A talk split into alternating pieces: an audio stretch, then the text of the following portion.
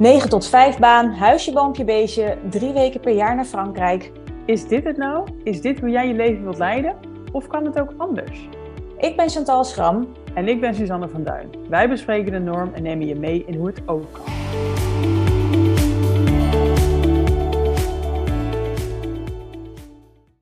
Druk, druk, druk, druk, druk. Hoe gaat het met jou, Chantal? Nou, druk, druk, druk, druk. Ja, dat is toch een beetje het standaard Oh. antwoord, hè? Nou, ja. En ik denk dat was natuurlijk ook de hele reden waarom we nu deze aflevering wil, wilden opnemen. Vooral omdat we eh, op dit moment zelf in die, die hele red race voor ons gevoel een beetje zitten. Eh, en dat het eigenlijk ook een soort van sessie is dat we in kaart brengen van hoe gaan wij daar zelf mee om. Want ja, je wil niet druk zijn. Hè? We zijn ook heel erg voorstander van ehm, tijd hebben, tijd kunnen nemen, eh, niet geleefd worden door je agenda. Eh, tijd voor spontaniteit, zelfs ook als je moeder bent. Eh, en niet het gevoel hebben dat je de hele tijd geleefd wordt. Dat is in ieder geval waar ik heel erg naar streef in mijn leven, want dat doet mij heel erg goed. Maar ik merk toch dat zeker december eh, en eigenlijk ook wel oktober, november, dat dat drukkere maanden zijn dan dat ik ehm, zou willen. En dat ik ook wat vaker s'avonds bijvoorbeeld aan het werk ben, terwijl ik dat maanden niet heb gedaan. Ja, en nu wel. Ja, ja, ik ook hoor. Ik had, eigenlijk heb ik het het hele jaar niet extreem druk gehad. Ik weet nog wel dat ik eh, ergens in, eh, nou ja, ergens dit jaar, dat ik echt dacht van, oh, het gaat echt lekker nu, weet je wel. Ik heb een, nou ja, gewoon goede klanten, goede omzet, maar ik ben niet heel druk, zeg maar. Ik voelde ook echt nog wel ruimte om nieuwe dingen op te starten. Nou, dat heb ik ook gedaan. En daardoor heb ik het dus nu wel heel druk gekregen, omdat ik gewoon toch wel allemaal nieuwe dingen tegelijk aan het doen ben. En ook weer in januari een maand op vakantie ga. Dus weet je, dan heb je ook bepaalde dingen die, Ja. je, die je toch op, hè, af wil hebben. Maar ik merk wel altijd best wel snel als ik het druk heb, wanneer het genoeg is. Ja. Dus dat punt is nu een beetje bereikt. Dat ik gisteren eh, was ik ook weer aan het werken inderdaad tussendoor. En dan, dan, dan denk ik echt, ja, dit is niet hoe ik mijn leven wil leiden. En het kan natuurlijk een keer gebeuren. Maar als het consequent gebeurt, dan is het voor mij echt een, een trigger om ja, op de rem te trappen. Nou, ik denk dat dat ook wel een heel goed iets is. Dat je er A, bewust van bent. eh, plus dat jij wel de vrijheid hebt en misschien ook wel de flexibiliteit om daadwerkelijk te zorgen dat je minder druk bent. Hè? Zeker nu in een maatschappij waar de norm is dat je eigenlijk druk bent. Kijk eens naar alle burn-outs die er zijn. Mensen die eh, mentale klachten hebben, waarvan ik ook echt wel geloof dat het deels daardoor komt. Omdat je Mhm. gewoon geen tijd meer hebt om op te laden. Ja, Ehm, dat dus ja, het zo normaal is geworden om te zeggen inderdaad dat je druk bent. En ik geloof ook echt wel dat het in bepaalde fases van je leven dat je het ook echt een stuk drukker hebt. Ik kan me nog wel herinneren dat ik toen net moeder was geworden, weer aan het werk ging. En dat het vooral heel erg zoeken was naar eh, hoe ik aan genoeg slaap zou komen. Ja, met ja. gebroken nachten. En ook nog eens mijn werk eh, te kunnen doen.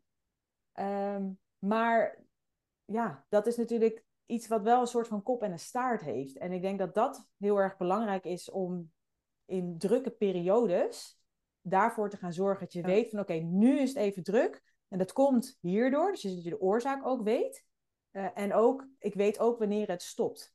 En dat je dan ook eh, wat behapbaarder of zo Ja. voor jezelf kan maken. Of het er makkelijker aan kan toegeven zonder dat het te veel eh, jezelf belast, zeg maar, lichamelijk en mentaal. Ja, nou, ik, ik, ik denk ook niet dat mensen eh, liegen als ze zeggen dat ze druk zijn. Ik denk ook dat we inderdaad allemaal heel druk zijn. En dat dat inderdaad een soort norm is geworden. Want draai het maar eens om. Eh, niemand durft, denk ik, te zeggen, en, en niemand heeft dat, denk ik ook, dat ze zeggen. Ja, rustig. Ik heb vandaag niks gedaan. Ik heb gewoon op de bank gezeten. En hè, dat is eigenlijk niet maatschappelijk geaccepteerd. Nee. Dus we vullen denk ik ook onze agenda gewoon op, überhaupt, met, ja, met dingen. Ja, volgens Eh, mij om zijn we maar gewoon niet goed stil- stilzitten. Ja, precies, dat zag je toch ook gewoon met de hele lockdown. Weet je wel, mensen werden helemaal gek dat ze gewoon niks gepland hadden. En ik weet ook nog hoe raar dat was, dat mijn hele agenda toen opeens leeg was van de sociale afspraken. Maar ik ben er ook wel weer een beetje aan gewend geraakt. En ik heb ook wel een deel daarvan in stand gehouden, moet ik zeggen hoor. Dat Ja. ik sinds corona ook toch minder plan. En ik, ja, bij mij, ik ben natuurlijk ook moeder geworden in 2022, dus het is misschien ook het gevolg. Dat ik denk, ja, één afspraak per dag is ook gewoon genoeg. En dan bedoel Ja. ik niet zakelijk hoor, maar weet je, als ik inderdaad met mijn kind ben en ik heb één, eh, weet ik veel, afspraak in het ziekenhuis met hem, dat is gewoon dan het uitje van de dag. Of, Ja. of ik ga baby zwemmen, dat is het uitje van de dag. Dan ga ik niet nog een extra afspraak eh, plannen. Nee, en ik herken ook heel erg wat je zegt, dat juist als je net moeder bent, ja, inmiddels anderhalf jaar bij mij, maar toch voelt het soms ook nog zo, uh, geloof ik echt dat er niet een drukkere periode bestaat. Omdat je, het gaat er niet alleen om over hoeveel dingen je wel niet doet en hoeveel afspraken je hebt, maar ook hoe weinig rust je hebt. Ja. Ik denk dat heel veel burn-outs ook voorkomen, niet per se door te veel te doen, maar vooral door te weinig rust te pakken.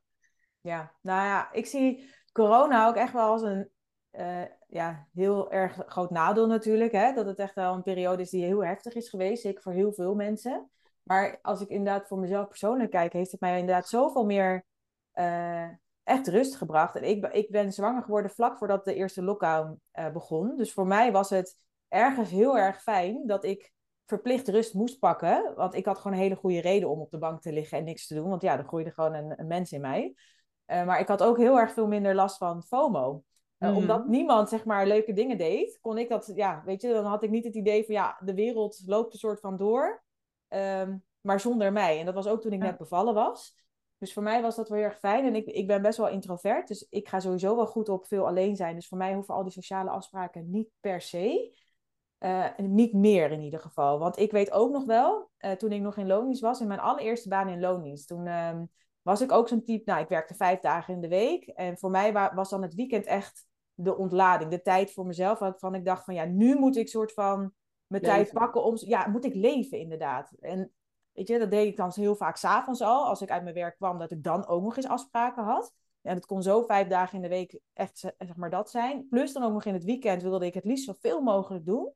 Om het gevoel te hebben dat ik echt leefde. En ik weet nog wel dat ik een collega had die dan inderdaad, uh, aan, aan, wie ik dan op maandag bijvoorbeeld vroeg van, hoe was je weekend? En het zei, oh, rustig, zo gangetje, een beetje gerommeld in huis. Ja. En ik weet nog wel dat ik dacht, jeetje, wat saai. Dat ben ik nu. en dat is nu mijn leven. En ik denk dus nog heel vaak aan dat zij dat zei. En dan dacht ik, wow, zij hadden toen echt al heel goed bekeken eigenlijk. Ja. Ja, maar misschien is dat ook toch de leeftijd. Of, of ja, ik, ik, kijk, ik denk dat druk zijn, uh, heel veel dingen plannen, dat dat deels een soort sociale druk is, maar ook inderdaad dat gevoel wat wij ook hadden toen we net werkten, inderdaad van ik moet leven, ik moet meer doen dan werken. En ook misschien jong zijn en daar gewoon meer behoefte aan hebben.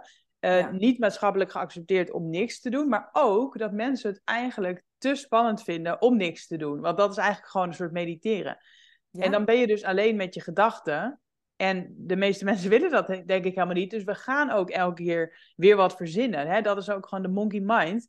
Gaan elke keer weer wat verzinnen om, ja, ja. om maar bezig te blijven. Ja. ja, en je misschien inderdaad nuttig te voelen.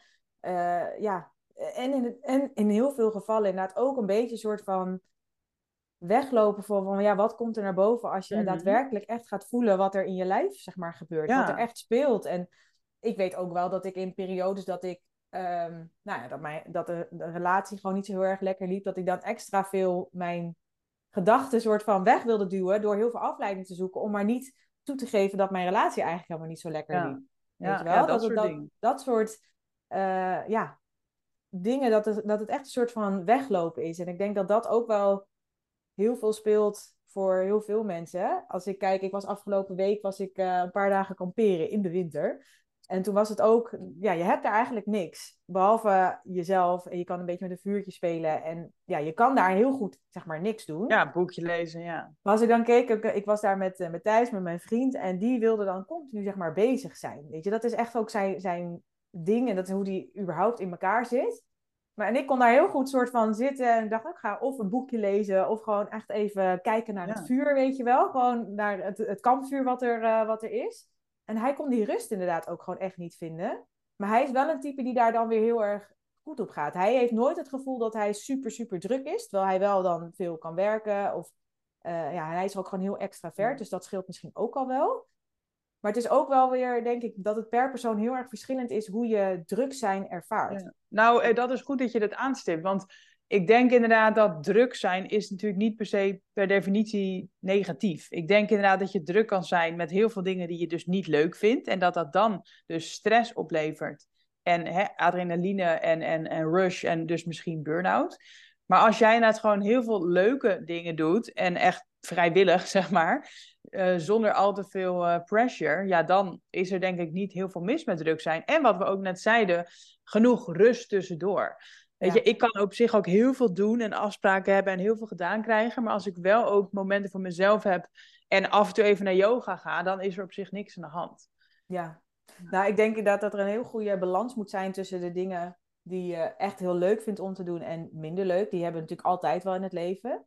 Maar dat de, de dingen die je daadwerkelijk doet, die je leuk vindt, ze moeten je energie geven. En ik denk, zolang jij iets jou echt energie geeft, heb je ook minder rust nodig, omdat je gewoon meer energie hebt. Ja, ja precies. Want als je, als je de hele tijd bezig bent, maar iets geeft je energie, ja, dan hoef je eigenlijk ook niet eens uit te rusten. Nee, precies. Dat geloof ik wel echt. En ja, ik denk dat het daarom ook zo belangrijk is om daar goed bij stil te staan. Van ja, ik, als jij je heel erg druk voelt, van ja, waar komt het door? Wat zijn mm. zeg maar de dingen die het maakt dat je daadwerkelijk druk bent? Mm -hmm. weet of je, druk voelt. Ja, maar dat is denk ik wel weer iets anders. Want je kan het, ook het gevoel hebben dat je heel erg druk uh, bent. Mm -hmm. Dat voelt dan heel erg zo. Maar als je dan eigenlijk uitschrijft waar je nou eigenlijk allemaal mee bezig bent en hoeveel tijd het kost, kan dat eigenlijk theoretisch gezien best wel meevallen. Maar, maar ik denk dat dat in de meeste gevallen eigenlijk stiekem zo is. Dat de meeste mensen zijn niet zo druk als ze denken, maar het is vooral mentaal dat we druk de lijkende zijn. En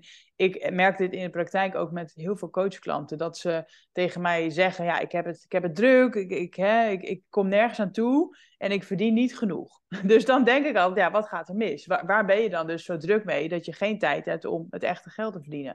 En dan gaan we het dus ook altijd uitschrijven, wat jij ook zegt. En dan komen we er vaak eigenlijk op neer dat ze helemaal niet zo extreem veel harde to-do's hebben. En dan is dus de conclusie, het zit vooral dus in je hoofd. En ik denk dat dat komt omdat je de hele tijd het gevoel hebt dat je iets moet. Het gevoel hebt dat je meer moet. Het gevoel hebt dat je all over the place bent. Chaos, uh, geen overzicht. Uh, weet je, dat soort dingen. En ook veel natuurlijk online, offline, online, offline. Ja. Dat het vooral dus het gevoel is dat je druk bent. Ja, dat je achter de feiten aanloopt misschien. Ja, dat. dan, ja. druk zijn betekent voor mij inderdaad niet dat je per se acht afspraken op een dag hebt gepland staan, maar vooral dat je inderdaad het gevoel hebt druk te zijn. Want uiteindelijk is dat toch ook waar het om gaat. Als jij je druk voelt en er is niks aan de hand, hè, dan is het prima. Maar als jij inderdaad je druk voelt en je gaat daar helemaal aan onderdoor, ja, dan moet het gewoon anders. Ja, en voor mij was dat wel de afgelopen weken in ieder geval heel erg dat ik me druk voelde. En inderdaad dat stukje achter de feit aanlopen. Of dat je niet overal aan toe komt wat je eigenlijk zou willen doen. Ja. Wij hebben het daar ook wel over gehad. Dat we, nou, hè, ik, ik, ik heb het ook al eerder in de, in de podcast gezegd, dat ik kan even niet, in het najaar vaak niet lekker in mijn vel zit. En dat komt mede, denk ik, hierdoor. Omdat ik weet dat het een wat drukkere periode is qua werk. Maar ook dat ik eigenlijk veel meer tijd voor mezelf nodig heb. Maar dat dus eigenlijk te weinig prio hmm. geef. Ja. Want dat is het uiteindelijk ook. Want ja, wat geef je uiteindelijk prioriteit? Um, en wat voor mij nu echt heel erg heeft geholpen sinds een, een week, anderhalve week, ik ben nog helemaal niet zo heel lang mee bezig, maar is dat ik uh, heel bewust tijd aan het maken ben om uh, met mezelf bezig te zijn. Om inderdaad even stil te zijn, om dingen uit te werken, om uh, goed te denken van ja, hoe gaat het eigenlijk in mijn hoofd, weet je wel? hoe voel ik me nou eigenlijk? En in plaats van dat ik minder aan het werk ben, want daardoor voel ik me nu momenteel vooral druk, is dat ik eigenlijk gewoon extra tijd ben gaan creëren. Want hoeveel tijd verspillen we eigenlijk wel niet s'avonds met Netflix? hè? Iets, iets doen wat eigenlijk je niet zo heel veel oplevert, behalve prikkels. Uh, en ik ben dus eerder gaan opstaan. Want ik merk dat het me al zo goed doet als ik een half uur tot een uur voor mezelf heb, s ochtends, zonder dat ik gelijk aan hoef te staan. Mm. Uh, en dat ik uh, even dat momentje voor mezelf heb gehad om even stil te staan, even rustig op te starten. En dat geeft mij al gelijk zo'n fijn gevoel voor de rest van de dag, wat er ook gebeurt. Mijn zoontje is een aantal weken achter elkaar ziek geweest. Ja, dat helpt ook elke, niet mee. Nee, en elke moeder weet dat als jouw zoontje ziek thuis is, heb jij geen moment voor jezelf hoor. Weet je, ook al ligt hij op de bank een beetje uh, filmpjes te kijken of een boekje te lezen of weet ik veel wat hij aan het doen is. Je bent, ja, je hebt niet zeg maar het moment dat je denkt, ik ga nu even lekker 10 minuten mediteren of zo. Nee, nee. Maar als je dan, dit, voor mij werkt dus heel goed als ik aan die dag in ieder geval begin even voor mezelf, geeft dat al gelijk energie extra. Uh, ondanks dat ik dus eerder ben opgestaan en iets minder slaap heb gehad. Uh, maar dat werkt wel door in de rest van de dag, waardoor ik me minder druk voel. En merk ik ook dat als ik inderdaad zie, mijn to-do-lijst qua werk is gewoon eigenlijk nog te lang voor mijn gevoel. Uh, ik, ik mis het overzicht of het gevoel dat ik er echt soort van uh, de controle over heb. Dat ik nu inderdaad gewoon een uurtje s'avonds nog werk, omdat ik dan met een veel geruster gevoel naar bed ga. En ik slaap daardoor ook weer beter, waardoor ik weer veel meer rust eigenlijk pak. Ja, dat exact dit. Maar ik denk dat dit ook hele goede lessen meteen zijn. Dus ten eerste, het gaat er niet om dat je minder gaat doen, maar dat je dus eigenlijk meer rust pakt. Eigenlijk wat we in het begin ook zeiden. En dat doe je dus door toch een uurtje of een half uurtje te creëren door bijvoorbeeld eerder op te staan. Um, en ook door af en toe toch even die to-do's uit je hoofd te krijgen. Toch dat uurtje extra zelfs te werken. Maar dat geeft dan juist meer rust in je hoofd. Ja, en zeker als je wel weet waarom je het ook doet. Hè. We hebben het vaker over de intrinsieke motivatie gehad. En jij noemde het net ook al van, ja, wij gaan in januari allebei een maand weg. En de intentie is om zo min mogelijk te werken, of eigenlijk gewoon niet te werken. Um, ja, en dan moeten wel dingen een soort van vooruitgewerkt worden. In mijn geval, bij mijn bedrijf wel, dat ik een aantal klanten heb lopen die nog iets van mij verwachten. Ja, dat wil ik het liefst gewoon eind december helemaal afgerond hebben. Zodat ik dan met een gerust hart echt vakantie heb en echt die rust kan pakken. En als ik dan wil werken, dan kan dat. Maar het hoeft niet per se. En dat geeft mij alweer heel veel rust. En ik ben bezig om uh, een van mijn sites helemaal een soort van nieuw leven in te blazen. Met nieuwe uh, layout, nieuwe alles. En dat kost gewoon heel veel tijd om dat om te zetten. Omdat er heel veel nieuwe content gemaakt moet worden, heel veel dingen omgezet. Uh, en dat is gewoon echt even een soort van shitload aan werk wat gedaan moet worden. Maar met als doel dat het straks juist weer voor zorgt dat ik veel minder hoef te werken. Ja, precies. Je weet, oplevert. Ja, je weet dat het een tijdelijke rush is. Ja, ja, maar dat is wel iets heel anders dan toen ik nog in loondienst was en vijf dagen in de week werkte. Uh, en altijd voor een ander. Het was, er was een soort van never ending story. Weet je? je, op maandag baalde je eigenlijk dat je weer naar. Ik in ieder geval, ik spreek voor mezelf. Op zondagavond begon het eigenlijk al. Dat ik al een soort van dacht: shit, ik moet morgen weer. Dat de hele zondagavond ben je alleen alweer bezig met werk. In je hoofd dat je weer moet gaan. In plaats van dat je echt geniet van het niks doen. Woensdag was ik altijd blij dat de week door midden was. En vrijdag voelde altijd als een feestje. Ik dacht, oké, nu is de vrijheid even begonnen. Ja, ja Dat was echt mijn, mijn werkweek. Dat het zo in elkaar zat. En dat was dus week in, week uit, week in, week uit.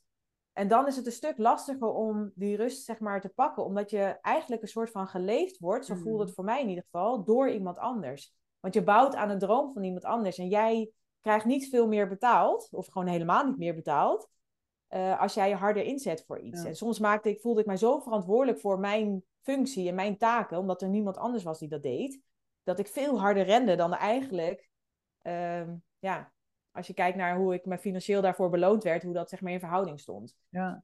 Hey, en laten we heel even kijken ook naar hoe kan het beter, hè? Dus hoe zorgen wij ervoor dat we straks weer meer rust hebben slash minder druk zijn? Uh, nou ja, je hebt net al twee hele goede lessen gegeven, maar misschien overall, zeg maar. Hè? Hoe ziet normaal gesproken jouw werkweek eruit? Hoeveel, hoeveel uur werk je en hoeveel van die uren werk je echt, zeg maar? Of hoeveel ruimte heb jij in je agenda? Nou, dat is ook wel iets wat mij uh, heel veel uh, uh, realisatie heeft gegeven, of bewustzijn in ieder geval, toen ik dat in kaart ging brengen. Want voor mijn gevoel werkte ik inderdaad vier dagen in de week. En eh, tot iets meer dan een jaar geleden werkte ik zelfs vijf dagen in de week. althans, dat was op papier zo. In theorie had ik vijf dagen in de week om te werken. Maar mijn, dagen, mijn werkdagen beginnen meestal rond een uurtje of tien. Als ik ochtends sport, is dat nog later. Dan is het een uurtje of elf. Uh, en mijn dagen eindigen rond een uurtje of vijf. Dus als ik om elf uur begin tot vijf, heb ik zes uur. Nou, ja. ik heb nog lunchpauze van een half uurtje. Dus nou, laten we zeggen dat ik vijf en een half uur per dag ongeveer werk. En dat dan gedurende vier dagen in de week. Ja, dus, dus eigenlijk is... werk je 22 uur. Precies. Dus ik werk eigenlijk nog niet eens drie dagen in de week. Hè? Als je kijkt naar de achturige ja, werkdag. Ja. Um, ja, en dan is het ook niet heel erg gek dat je soms voelt dat er heel veel werk in die dagen moet. Als ik soms ook mijn to-do-lijst maak, dan weet ik eigenlijk al, ja, dit is eigenlijk iets te veel voor vandaag. En dat is ook wel een les voor mezelf geweest, van ik moet niet te veel erop zetten. Want dan heb je altijd het gevoel dat je achter de feiten aanloopt. Maar het is heel goed prioriteren van, ja, wat moet nu gedaan worden? Wat kan eigenlijk best wel weg zijn, wat, wat een soort van bonus is? En wat kan eigenlijk nog wel even wachten, omdat het niet per se nu hoeft. Ja, en daarin kijk ik heel erg wel naar de prioriteiten, maar ook wel waar ik op dat moment zin in heb om te doen.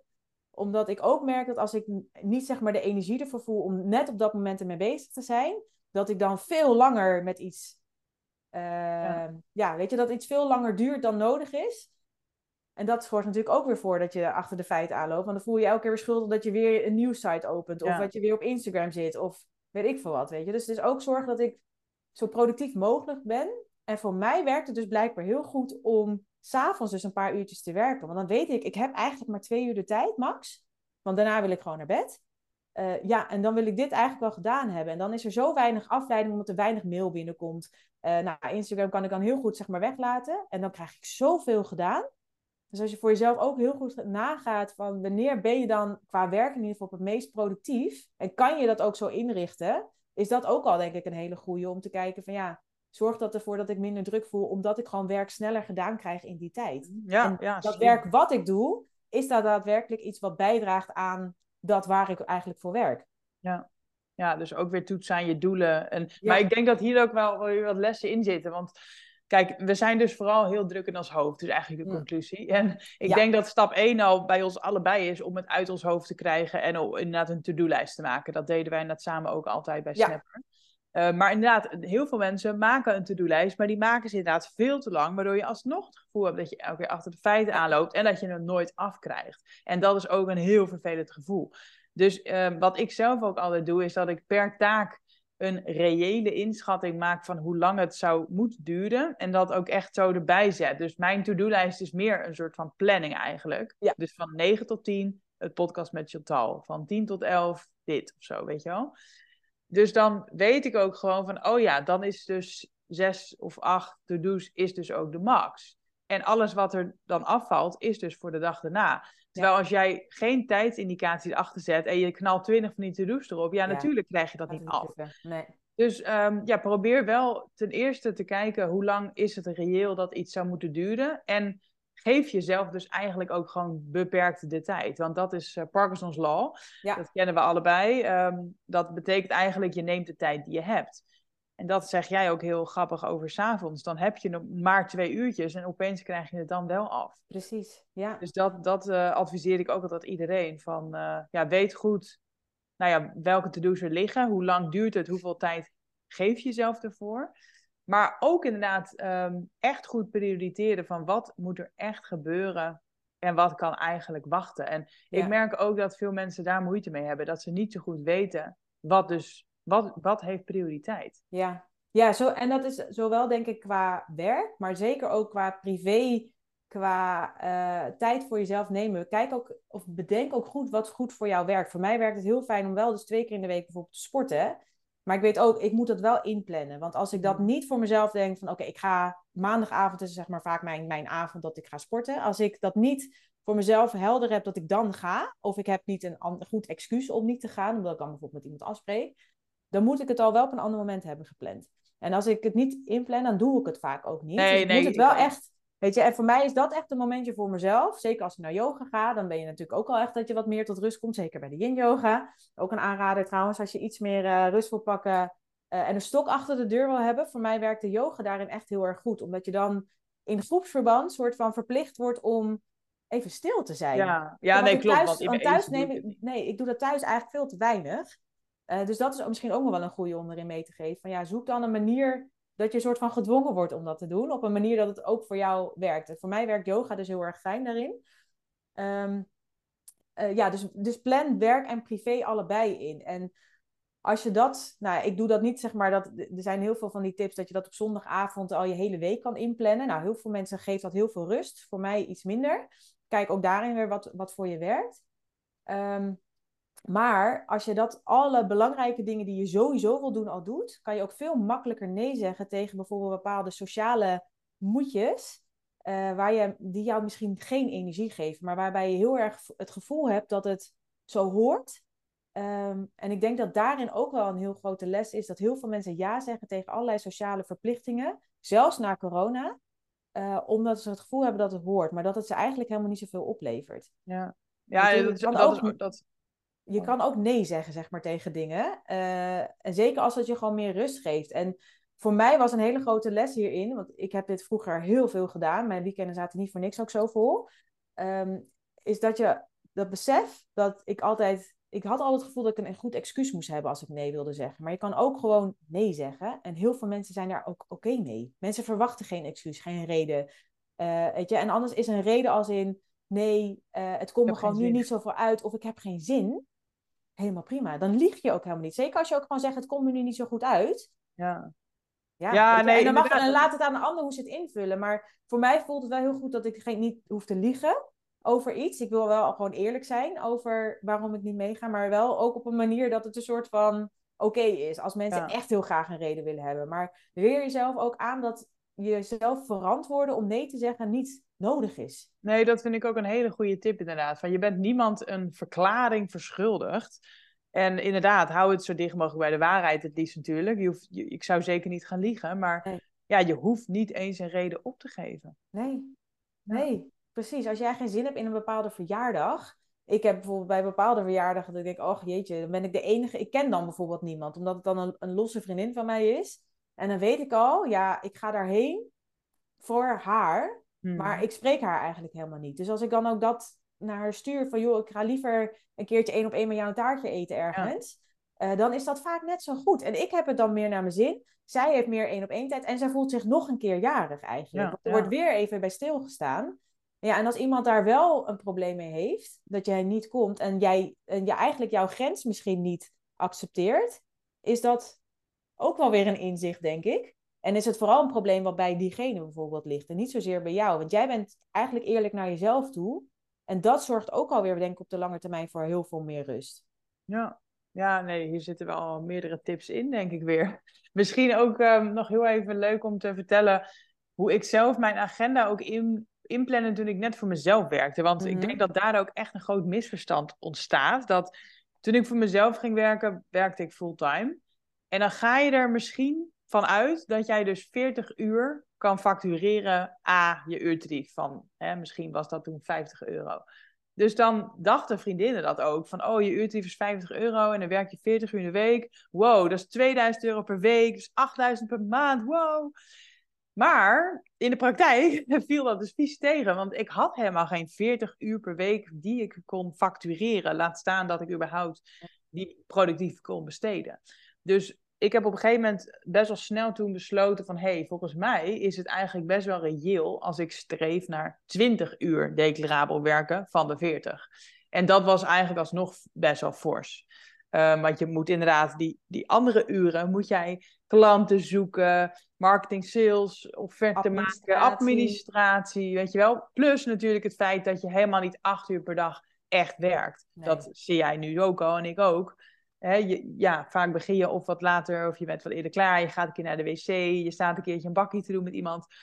Dus het is, uh, het is een beetje mindfuck om te denken dat jij dus 40 uur per week werkt en dat dus ook zou kunnen factureren. En als jij je uurtarief dan gaat baseren op die uren die jij denkt te maken, dan kom je dus echt in een Ja. thuis. En dat is precies de reden waarom uh, mensen die voor zichzelf werken natuurlijk in verhouding een heel hoog uurtarief hebben vergeleken iemand in loondienst. Want iemand in loondienst die krijgt die uren daadwerkelijk betaald. Ja, dat die aanwezig is. Ja, Ja, en, en, en een ondernemer die krijgt niet alle uren betaald. Die krijgt alleen de uren betaald dat hij ook echt voor een klant aan het werken is. Om, om eh, linksom of rechtsom.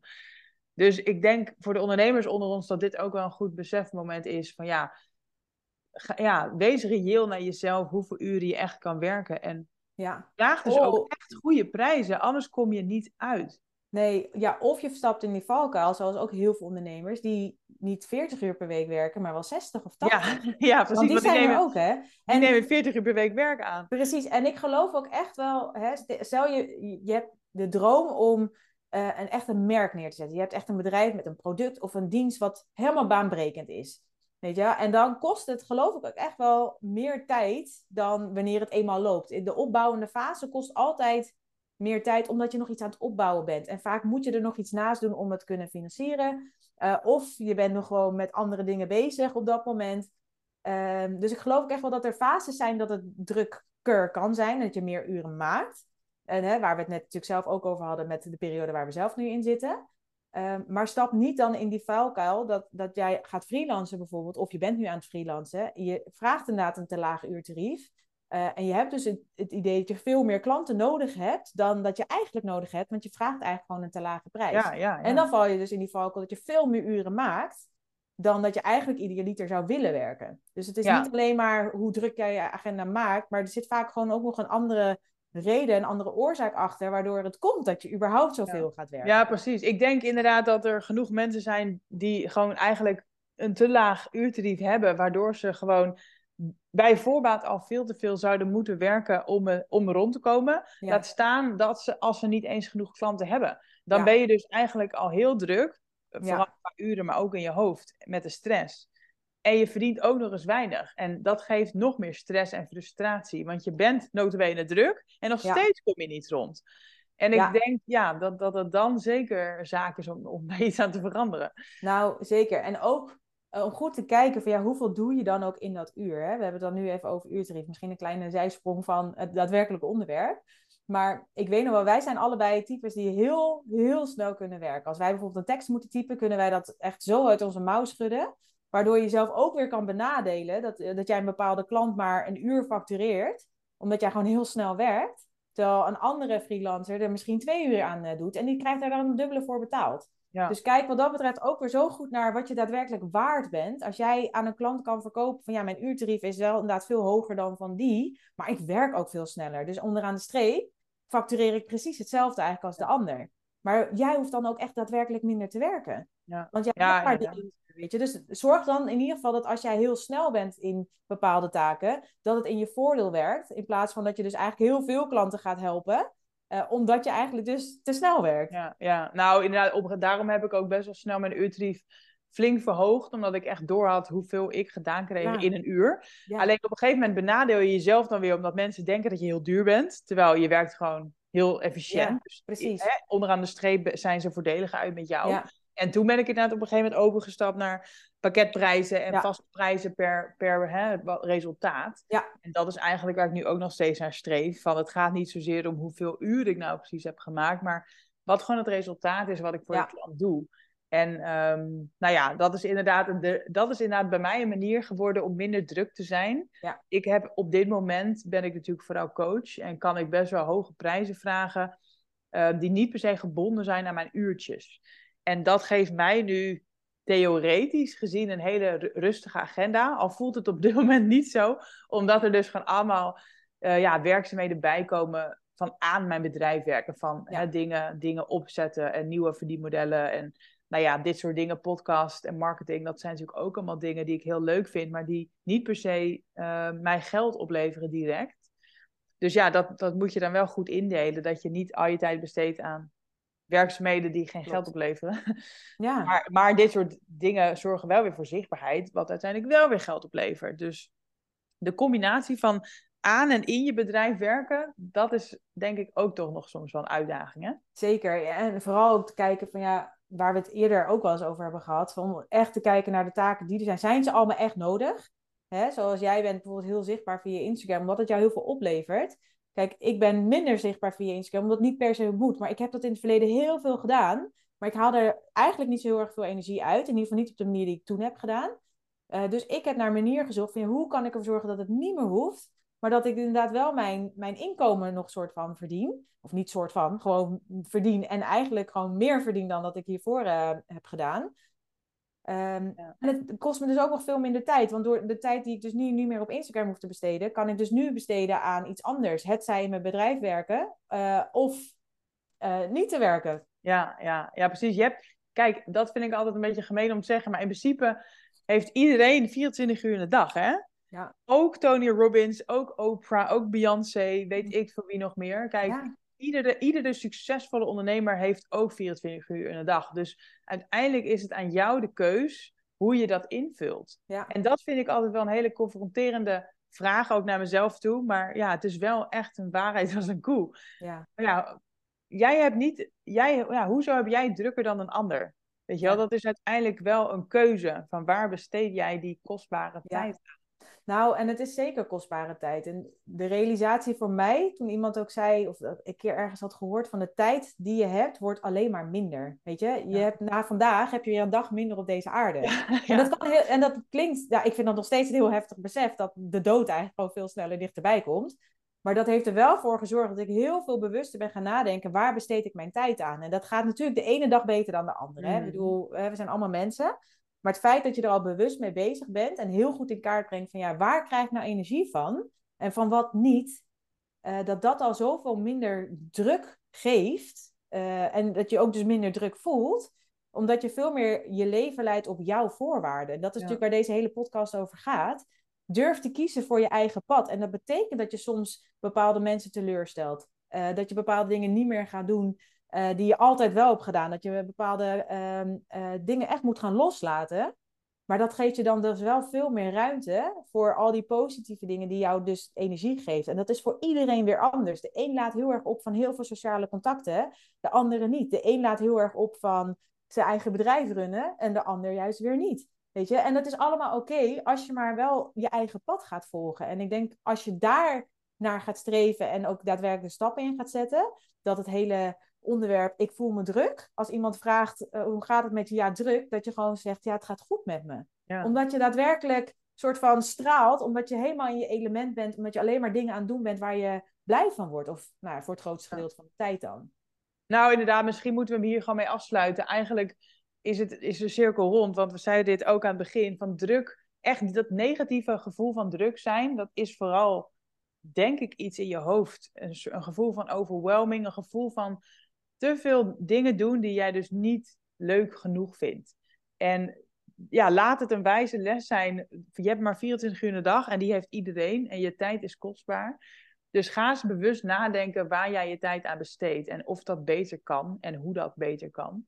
En ga dat, uh, ga dat vooral veranderen. Kijk, tuurlijk, we doen allemaal wel eens iets wat we niet leuk vinden. We zijn allemaal wel eens erg druk. Maar laat het niet de norm worden. Nee. En um, ja, kies bewust hoe jij je tijd besteedt en ga daarmee aan de slag.